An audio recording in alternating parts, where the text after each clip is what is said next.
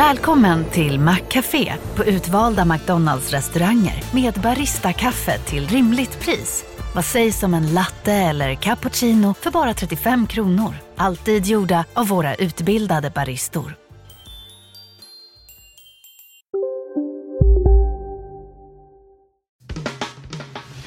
Analyspodden från Dagens Industri.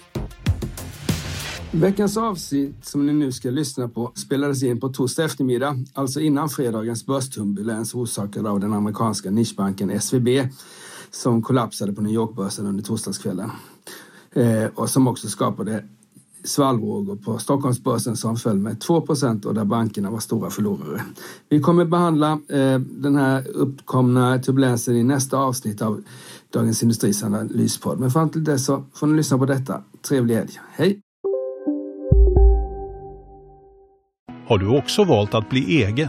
Då är det viktigt att skaffa en bra företagsförsäkring. Hos oss är alla småföretag stora och inga frågor för små. Swedeas företagsförsäkring är anpassad för mindre företag och täcker även sånt som din hemförsäkring inte täcker. Gå in på swedea.se företag och jämför själv.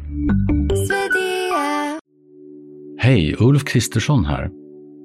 På många sätt är det en mörk tid vi lever i. Men nu tar vi ett stort steg för att göra Sverige till en tryggare och säkrare plats. Sverige är nu medlem i Nato. En för alla, alla för en.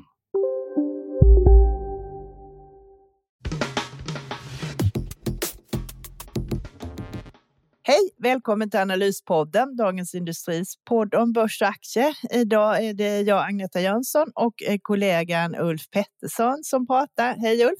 Hej, hej Agneta! Ja, som vanligt ska vi prata om det här, vad som händer på börsen och andra viktiga grejer och vi kommer bjuda på några case också. Det är inte som vanligt, för vi spelar faktiskt in på torsdagen idag och klockan är runt fyra. Så att det är en liten fördröjning här, men det hinner kanske inte hända så mycket till fredag morgonen här. Vi har en börs som har gått sidledes nästan denna veckan. Eh, Kommer du ihåg Ulf, sist vi pratade så var den 17 februari så pratade vi om lite att ta hem vinster och vara lite försiktig. Och då var OMXS30-index i 22,49 och där nu är det en aning lägre, så lite rätt kanske vi hade.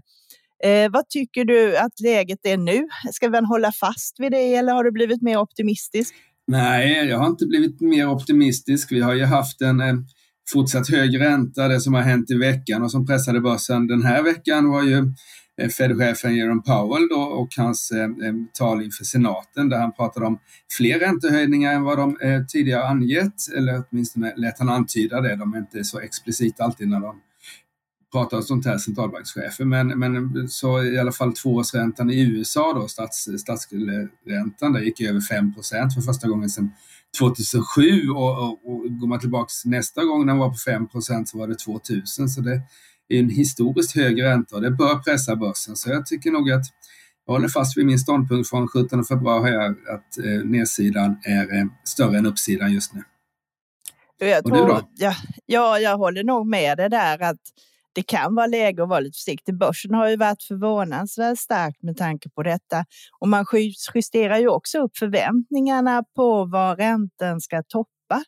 Eh, för några veckor sedan pratade vi om att det kanske skulle bli en topp någon gång där i maj på 5,25 på den amerikanska styrräntan.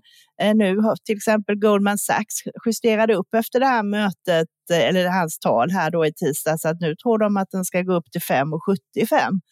Eh, och eh, då att man höjer ganska snabbt. Och det är klart, det är, en, det är faktiskt en stor skillnad. Eh, så jag tror att man, risken är att händer det någonting annat som kan tippa till det här lite så kan vi nog få lite vinsthemtagningar. Så jag håller fast vid den försiktiga linjen också. Tråkigt nog, men tyvärr. Ja, ja. men det har ju varit en fantastisk, ja det är klart att fjolåret var inte så roligt sammantaget, men men det var en väldigt stark utveckling från oktober här eh, eh trots att vi har haft stigande räntor sedan dess. Jag, jag, jag, tycker att det har gått, gått väl mycket och det är nog många som känner där att, att det kanske är läge att ta hem lite vinst. Och framförallt så har ju det här TINA då som det hette förr i tiden, eh, eller det är inte så länge sedan, det var något år sedan eller två, det här, there is no alternative till aktier menar man då. Det, finns ju faktiskt ett riktigt bra, eh, och du har ju skrivit flera artiklar om det, det finns ju faktiskt en, en räntemarknad som är attraktiv nu för många sparar, åtminstone i ett kort, kortsiktigt perspektiv då med eh, i USA får du 5% på en kort, en kort ränta och det är inte dåligt på ett halvår exempelvis, eh, 2,5 procent. Eh, det är inte alls säkert att börsen ger det varje halvår, speciellt inte när det har gått som det har gått. Och även i Sverige så börjar ju räntorna ticka uppåt och vi får väl se vad de slutar på i Sverige. Men det som har hänt, om man har höjt, om Goldman Sachs har höjt förväntningarna i, på amerikansk ränta så har ju Handelsbanken och andra justerat upp den svenska ränteprognosen också rejält. Nu förväntar man sig en ränta på kanske 3,75 styrränta och då blir ju så att säga marknadsräntorna på kan ju liksom, boräntorna kan ju närma sig 5 i ett sånt scenario. Och det slår ju är man ju rädd för man har ju redan börjat se att det slår på konsumtionen och man tror väl än mer nu att det här kommer att påverka konsumtionen och hushållens ekonomi här under året. Eh, och en bolag som vi faktiskt redan har sett det lite på det är ju Clas Olsson som kom med rapport här igår. Eh, du mm. skrev lite inför den här eh, rapporten. Hur tycker du att det utfallet blev gentemot vad du hade tänkt dig där? Ja, resultatet var ju precis som marknadens förväntade och kanske lite bättre än vad jag förväntade. Rörelsemarginalen sjönk från 13 till 10 procent justerat för eh, ett besparingsprogram då som löper. Eh, det som gjorde att aktien ras, eller eh, rallade så, den var ju upp eh, 15 procent ett tag. Det var ju att kassaflödet var starkt. Det var över en miljard i kassaflöde. De har ju haft fyra kvartal av svagt kassaflöde så nu blev det lite poppen ur där och det tror jag var lite lite lättnad på marknaden. Annars så är det ju eh, fortsatt, fortsatt tufft för dem. Men det var ett, ett lättnadsrally. Den har ju kommit ner också ganska rejält. Så jag tycker det, det kanske var i bästa laget att köra upp aktien 15 på det där. Men att den ska upp, det ska den ju. Eh. Och så får vi se framöver. För som du säger Agneta, så just svenska eh, och de har ju huvuddelen av sin verksamhet i Sverige.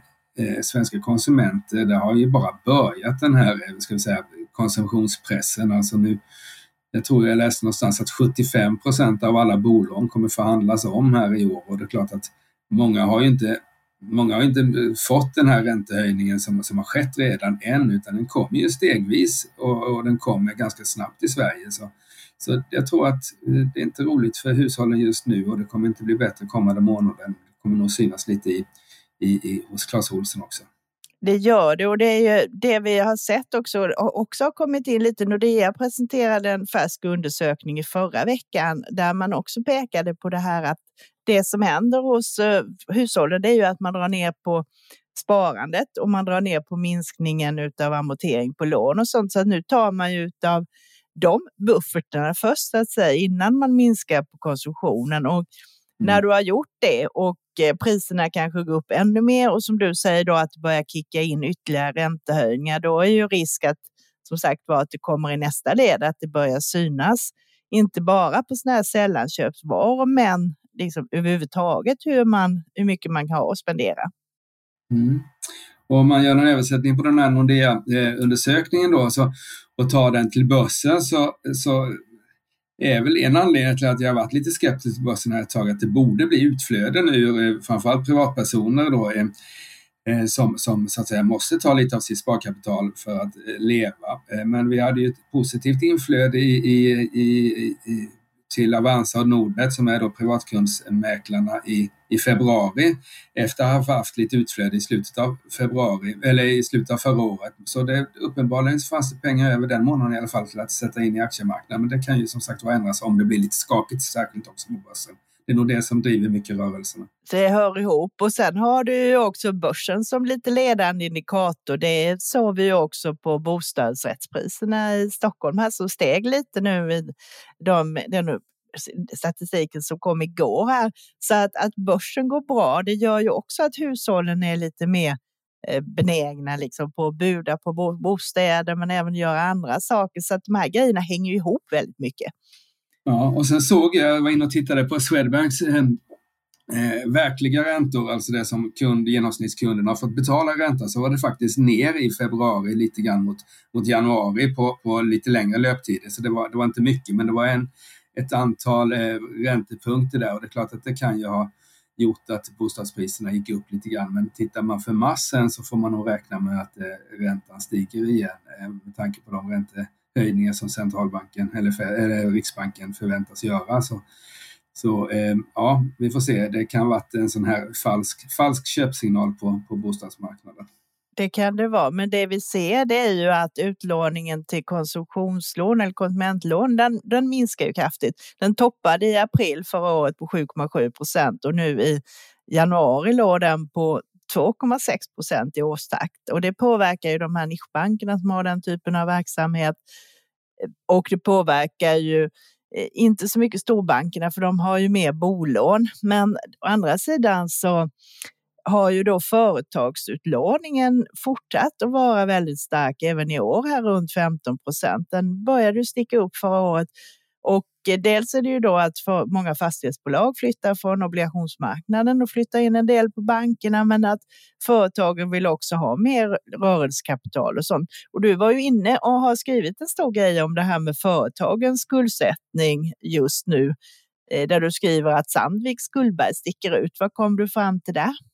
Eh, ja, men vi har ju, vi har ju liksom skrivit mängder av, av, artiklar om fastighetsbolagen och hur deras skulder ser ut och vi är, skriver om privatpersoner och hur räntan slår där. Så då eh, tittade jag på industrisektorn. Jag tog de 16 största bolagen på börsen och drog bort eh, eh, bankerna då, eh, som, är liksom inte, som inte kan ingå i det här och sen så investmentbolag och då är det 16 stora. Eh, och då visade det sig att och så jämförde jag med före pandemin då, alltså jag tog boksluten 19 och mot boksluten 22 och då visade det sig att eh, nettoskulden i de här 16 bolagen sammantaget hade ökat med 20, eh, eh, med 20 procent ungefär.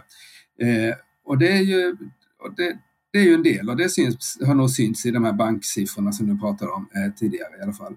Men vinsterna och börsvärdena har ökat ännu mer så skuldsättningen har inte liksom förvärrats på något sätt. Det är inte så att, så att skuldsättningsgraden har ökat. Men det var ganska stora, stora skillnader faktiskt bland bolagen också. Här finns då en del eh, Sandvik som har haft, gått från en nettoskuld på 11 till 36 miljarder här och eh, har nu över 10 miljarder kronor mer i nettoskuld än exempelvis konkurrenten Atlas Copco. Ändå så gör Atlas Copco ett resultat som är 40 procent högre än Sandviks ungefär. Så Sandvik har gått från att vara lågt belånat till att bli ja, inte högt belånat, men ändå liksom, de ligger där och tangerar på sina skuldsättningsmål. Fick ju faktiskt sitt, eh, fick en varning från eh, eh, Standard Poor's kreditratinginstitut om att de kanske kommer sänka deras kreditbetyg här nästa gång de gör en genom undersökning. Så det finns en del. Essity har också ökat skuldsättningen och i Essitys fall är det nästan eh, ännu värre för där har ju dessutom vinsten gått ner från 2019 så där är de ganska seriöst skuldsatta tycker jag nu. Nu är, kan man ju då resonera att Essity, det kan inte bli så mycket värre för Essity med tanke på de prisuppgångar på råvaror de har haft och energipriser och sånt där men likväl sju gånger rörelsevinsten i skuld det är betraktas som riktigt högt i, i normala fall. Det gör det ju. Och, om vi backar lite det där med Sandvik sänk att de är uppsatta nu, att deras betygsutsikter är sänks från stabila till negativa. Ja, när jag tittade på det där så är det ungefär en tredjedels risk för att det faktiskt blir en sänkning. Eh, nu har de ett sånt betyg som heter A minus och nästa steg på skalan är att de kommer till trippel B plus heter det, men det behövs ytterligare liksom tre sänkningar för att de skulle komma under den här gränsen för investment grade där Moody's sänkte Balder då veckan. Mm. Och de här grejerna är ju också viktiga för att det påverkar ju kostnaden för när de ska låna upp på marknaden. Att får de sämre betyg så blir det ju lite dyrare att låna så det bidrar ju till en negativ spiral då. Absolut, och det har ju varit det har inte varit något särskilt fokus på, på liksom, eh, de olika industriföretagens eh, eh, kreditbetyg. Men det är klart, i ett sånt här osäkert läge då när vi dessutom går in i en konjunkturnedgång här eh, och kommer ändå från en situation med liksom kanske lite uppumpade vinster då eh, sen pandemin. Alltså det är ju det var ju eh, en väldigt bra fart i ekonomin 2020, 2021 här och man hade inte mycket kostnader för folk satt hemma och jobbade och sådär. Så, så kan man ju tänka sig en viss, en viss vinstpress då. Går man in i en sån situation med ovanligt höga, eh, hög belåning så, så kan det bli, ja då förstår man att kredit, kreditanalytikerna också börjar fundera lite. Ni är med om det största. Och det största är den minsta. Ni minns de första ögonblicken. Och den där blicken gör er starkare. Så starka att ni är ömtåliga. Men hittar trygghet i Sveriges populäraste barnförsäkring. Trygg Hansa. Trygghet för livet. Hej Sverige! Apoteket finns här för dig och alla du tycker om. Nu hittar du extra bra pris på massor av produkter hos oss. Allt för att du ska må bra. Välkommen till oss på Apoteket.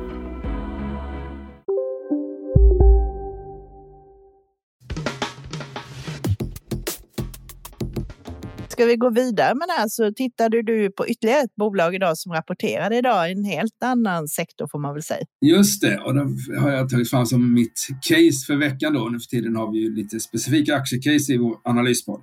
Och det är det här eh, Nimbus då som är välkänt hos många. Eh, det är ett, en båttillverkare som kom in till börsen i början av 2021 och som eh, har rapporterat riktigt bra vinst, vinster men eh, aktiekursen har efter ett rally i början gått ner nu så nu är den lägre än, än, än, eh, än när den noterades. Noterades till 52 spänn och står i eh, drygt 40 nu. Eh, samtidigt så har vinsten faktiskt ökat så bolaget är lågt värderat. Men det, det var inte det jag skulle, som, som föranledde att jag tyckte bolaget gör bra ifrån sig. Det de gjorde nu då, det var ett förvärv i USA för 100 miljoner kronor här och, eh, eh, och då finansierar man det med en riktad nyemission som man gjorde till eh, utan rabatt, vilket jag tycker är schysst. Alltså de här riktade emissionerna vi ser i allt högre utsträckning nu. Det görs ju då till 3, 5, 7 procents rabatt och småspararna eller småaktieägarna får bara liksom öppna, öppna liksom dataskärmen eller tidningen och märka att aktien pressas här. Det, det är ett litet ofog det här riktade emissioner om det görs till för stor, för stor rabatt och då tyckte jag det var bra att Nimbus inte gjorde någon rabatt. Att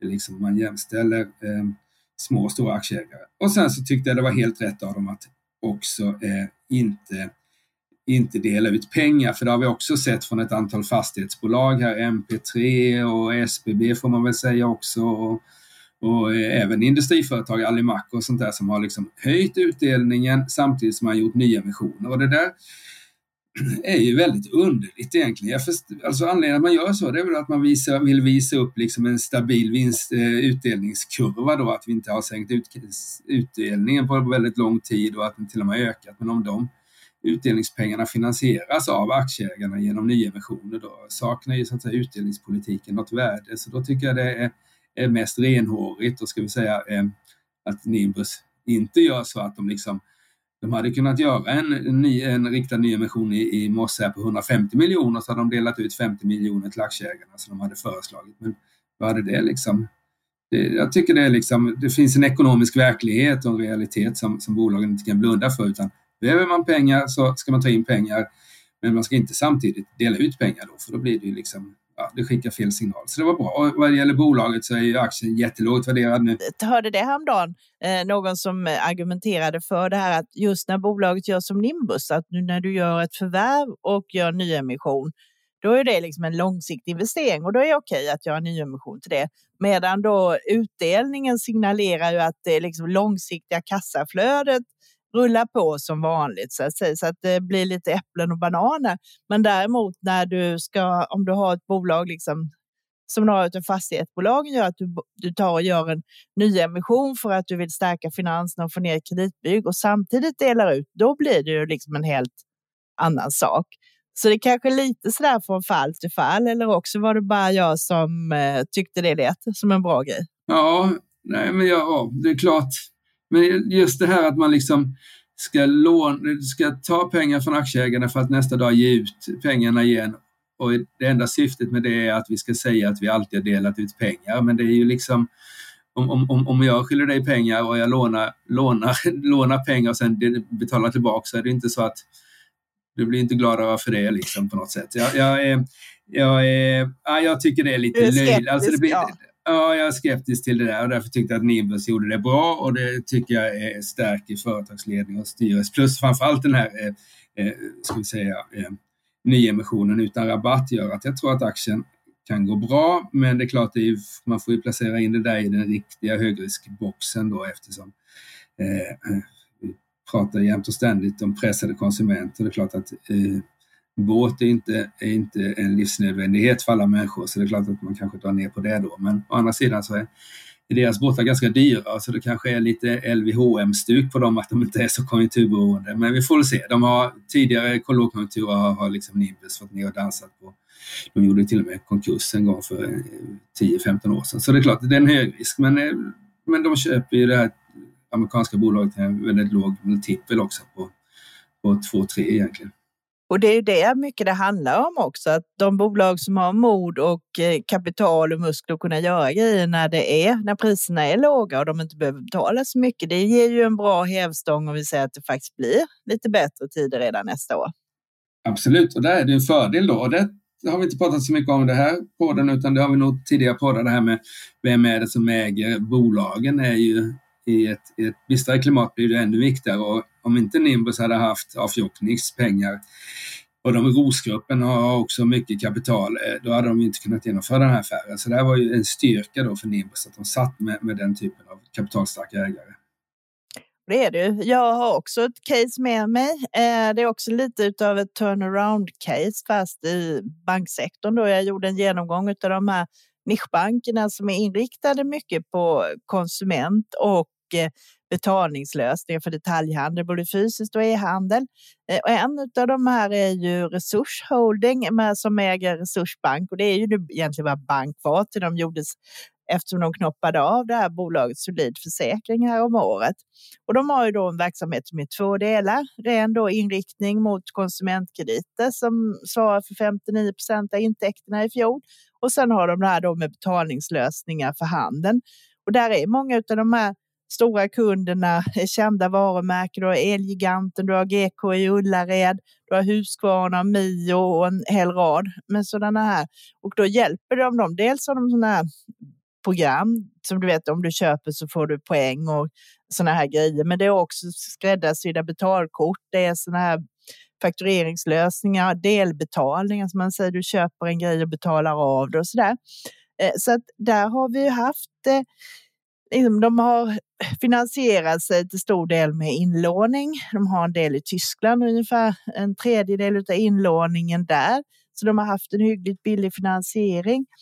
De har nu de senaste två åren gått igenom en stor process. De bytte vd då och då satsar de mer på digitalisering och de har investerat runt en halv miljard i ett sånt här molnbaserat banksystem som dels då ska göra att banken blir effektivare, men det lägger också till nya tjänster olika AI-lösningar och såna här grejer.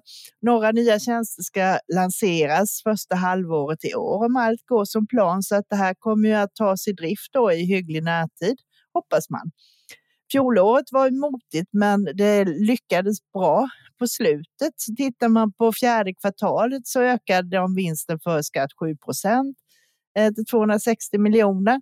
Intäkterna steg 13 procent och räntenettot som är deras tunga del som då står för 80 procent av inteckningen steg 10 procent. Det var ju lite lägre än utlåningen faktiskt som växte med 12 procent under fjolåret. Och en förklaring till det här är att när de vänder sig till lånekunderna så måste de först avisera att räntan ska höjas och då dröjer det någon månad innan det liksom kickar in i högre räntor. Men på andra hållet på inlåningen då, där kommer den här höjningen att slå igenom direkt. Så det gör att man förhoppningsvis får igen det här nu lite under våren. Men eftersom man har haft emot det ett tag så har ju också värderingarna eh, kommit ner mycket. Eh, man har då ökat kostnaderna lite, men eh, de ökar, steg ungefär med 5 procent. Så du har ett KI-tal som man ofta använder på banker när man mäter den här relationen mellan kostnader och intäkter. Eh, så tog den och ökade lite, eller förbättrades lite så den var på 42 procent under fjolåret. Och målet är att komma ner till 35. Och det kan de göra det så blir det ganska bra utväxling eh, på det här under på nedersta raden också. Och historiskt har ju Resurs klarat sig bra under dåliga tider eh, och inte haft så mycket kreditförlust och man har lyckats hålla verksamheten uppe ganska bra. Och eh, medan det här liksom arbetet pågår nu så kan ju aktieägarna trösta sig med att det är en bra direktavkastning. De delar ut två gånger per år eh, och baserat då på vinsten för 2022 delade de ut 1,99 i höst, eh, totalt sett, varav då 92 öre fick folk i höstas och 1,07 kronor kommer nu i april då. Och det ger ju då en direktavkastning på en 8 procent. Eh, och aktien handlas nu eh, till drygt sex gånger årets förväntade vinst.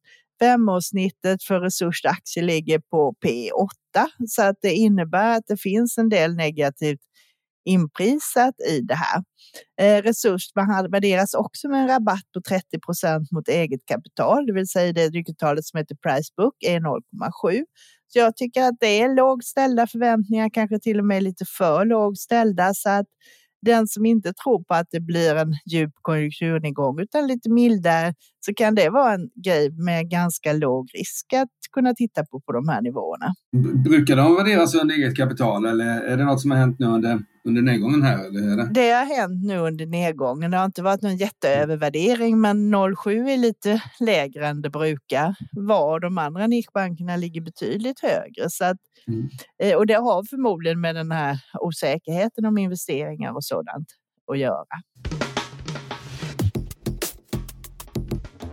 Bra. Eh, tredje case är ju eh, veckans aktie som vi brukar nämna också och eh, den skrev jag den här veckan. I måndag skrev jag Meko, eh, bil, bilservice och bildelsföretaget som hette Mekonomen förr i tiden. Nu heter det Meko på koncernnivå. Eh, och eh, jag satte köp på dem och jag såg en uppgång på 20 procent ungefär eh, för aktien på ett års sikt och det gjorde jag på att jag tror att vinsten kan öka med ungefär 20 procent kommande året eh, efter de har köpt ett, eh, ett finskt förvärv eh, och räknar man in lite synergier där på inköp och även på en del administration plus att man lägger in en, en, en olönsam egen finsk verksamhet, en liten finsk verksamhet i det där. Så.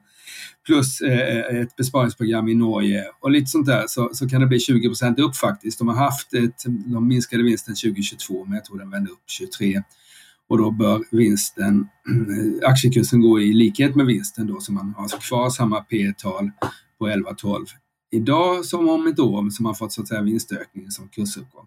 Eh, och jag tycker att det är ett välskött bolag. Jag gillar vdn där som köper aktier eh, och är ganska stor aktieägare och är liksom trygg, trygg i sin, sin roll och har varit med i, i branschen länge. Dels som eh, så att säga som, som ingick, eller drev ett bolag som ekonomen köpte en gång för länge sedan och, och som han nu har tagit över koncernrollen här sedan 5-6 år. Så, eh, plus att, att de har också Tidigare för 5-6 år sedan så var det 99 procent Norge-Sverige som är mogna marknader på det här men nu finns, genom det finska förvärvet fick man in Baltikum och innan dess har man fått in eh, Polen och de marknaderna växer betydligt bättre än, än de svenska marknaderna. Så jag tror att ett vinstlyft på uppemot 20 procent och ett kurslyft på samma nivå på ett år är inom räckhåll och så får vi se om det, om det blir så när vi sitter här om ett år igen, Agneta. Det vet man ju aldrig, men det låter i alla fall rimligt. Du har övertygat mig, så jag blir lite sugen i alla fall. Bra det.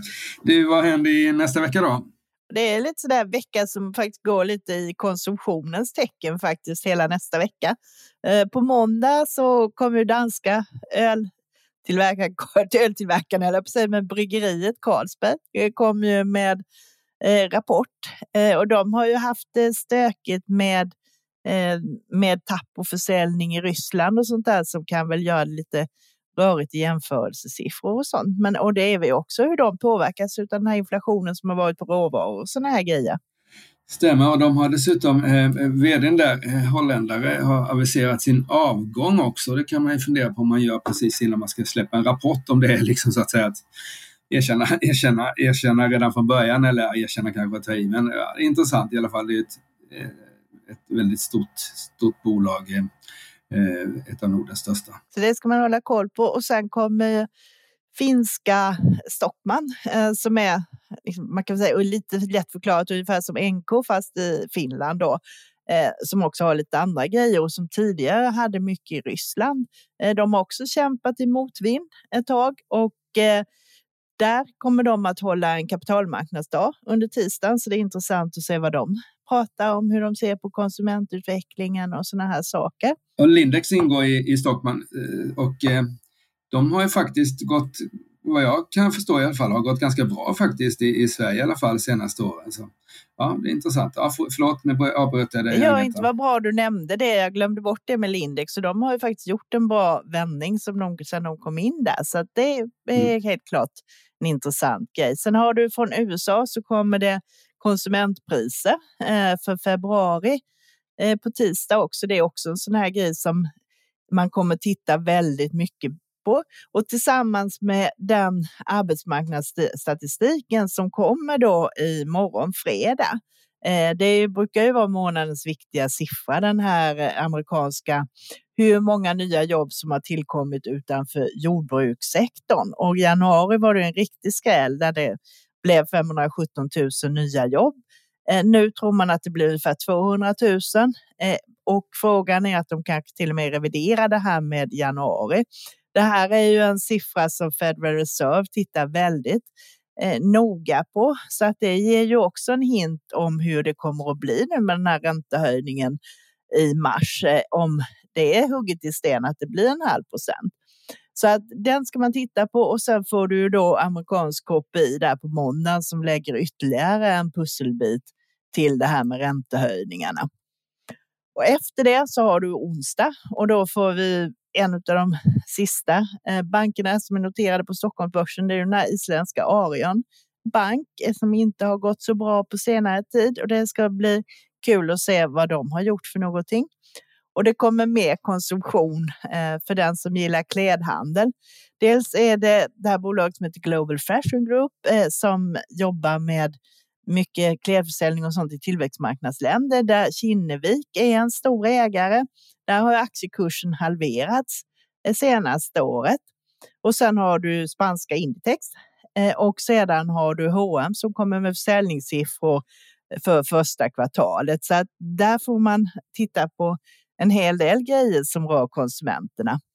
Och du får också detaljhandelssiffror från i USA för februari eh, och du får amerikansk eh, PPI. Så att onsdagen blir en, en tung dag för den som är intresserad av att titta på de där grejerna. Ja, eh, det är mycket att hålla ordning på. Det är klart att konsument, konsumentprisutveckling i USA är jätte, jätteviktig för börsen. Även som du säger sysselsättningssiffrorna på fredag kommer vara viktiga. Förra, förra månaden var ju en, en chockartat god siffra får man säga, för det var många nya som fick jobb, men för börsen betyder det nu för tiden eh, eh oro för räntehöjningar. Så börsen var ju ner då, alltså USA-börsen var ju ner över en procent den dagen. Och det är ju lite sådär omvända världen att det marknaden vill ha nu är ju helst av allt eh, dåliga siffror så det inte blir så mycket, rön, så mycket eh, räntehöjningar. Så en, en tecken på en stark, stark arbetsmarknad i USA kommer då pressa börsen här. Så det är lite, lite, lite mm, tvärtom mot hur det brukar vara, men det är lite speciella tider på, på alla möjliga sätt nu. Och så skulle det bli spännande att se vad H&M H&M har hittat på och alla de andra som du pratade om. Jag tror det bara återstår för oss. Ja, Nej, det gör det inte. Vi glömde torsdagen där. Den är faktiskt en väldigt ja. viktig dag nästa vecka. Inte bara för att Afri har kapitalmarknadsdag utan ECB kommer med räntebesked då. Ja, just det. Och där eh, tror man det är stor sannolikhet att det blir en räntehöjning på 50 punkter, det vill säga en halv procentenhet, så att man höjer upp räntan till 3 procent. Eh, många tror att det kommer mer där som du var inne på. Till exempel SEB skrev här i en prognos på morgonen att de tror på fortsatta höjningar upp till 4 procent i juli. Och då har du det här, då kommer ju Riksbanken hänga med som du var inne på i början av mm. podden här. Och då hamnar vi kanske upp mot de här 3,75 mot 3 idag. Ja, just det. Vi ligger faktiskt lite före ECB här och ska vi liksom ligga före även om, de, även om ECB höjer till 4 då betyder det att vi ska upp mot 4,25, 4,50 men det får vi se om, om, om ekonomin mäktar med. Men det är ju väldigt intressanta siffror nu så och inte bara ur de som håller på med börsen utan för alla andra också. Så du har helt rätt. Vad, vad Lagarde och hennes kollegor på eh, ECB hittar på eh, nästa torsdag är ohyggligt intressant och framförallt 50 punkter, är ju, det har ju de nästan lovat. Så det, det, något annat vore ju väldigt märkligt men vad de säger utöver det blir ju högst intressant.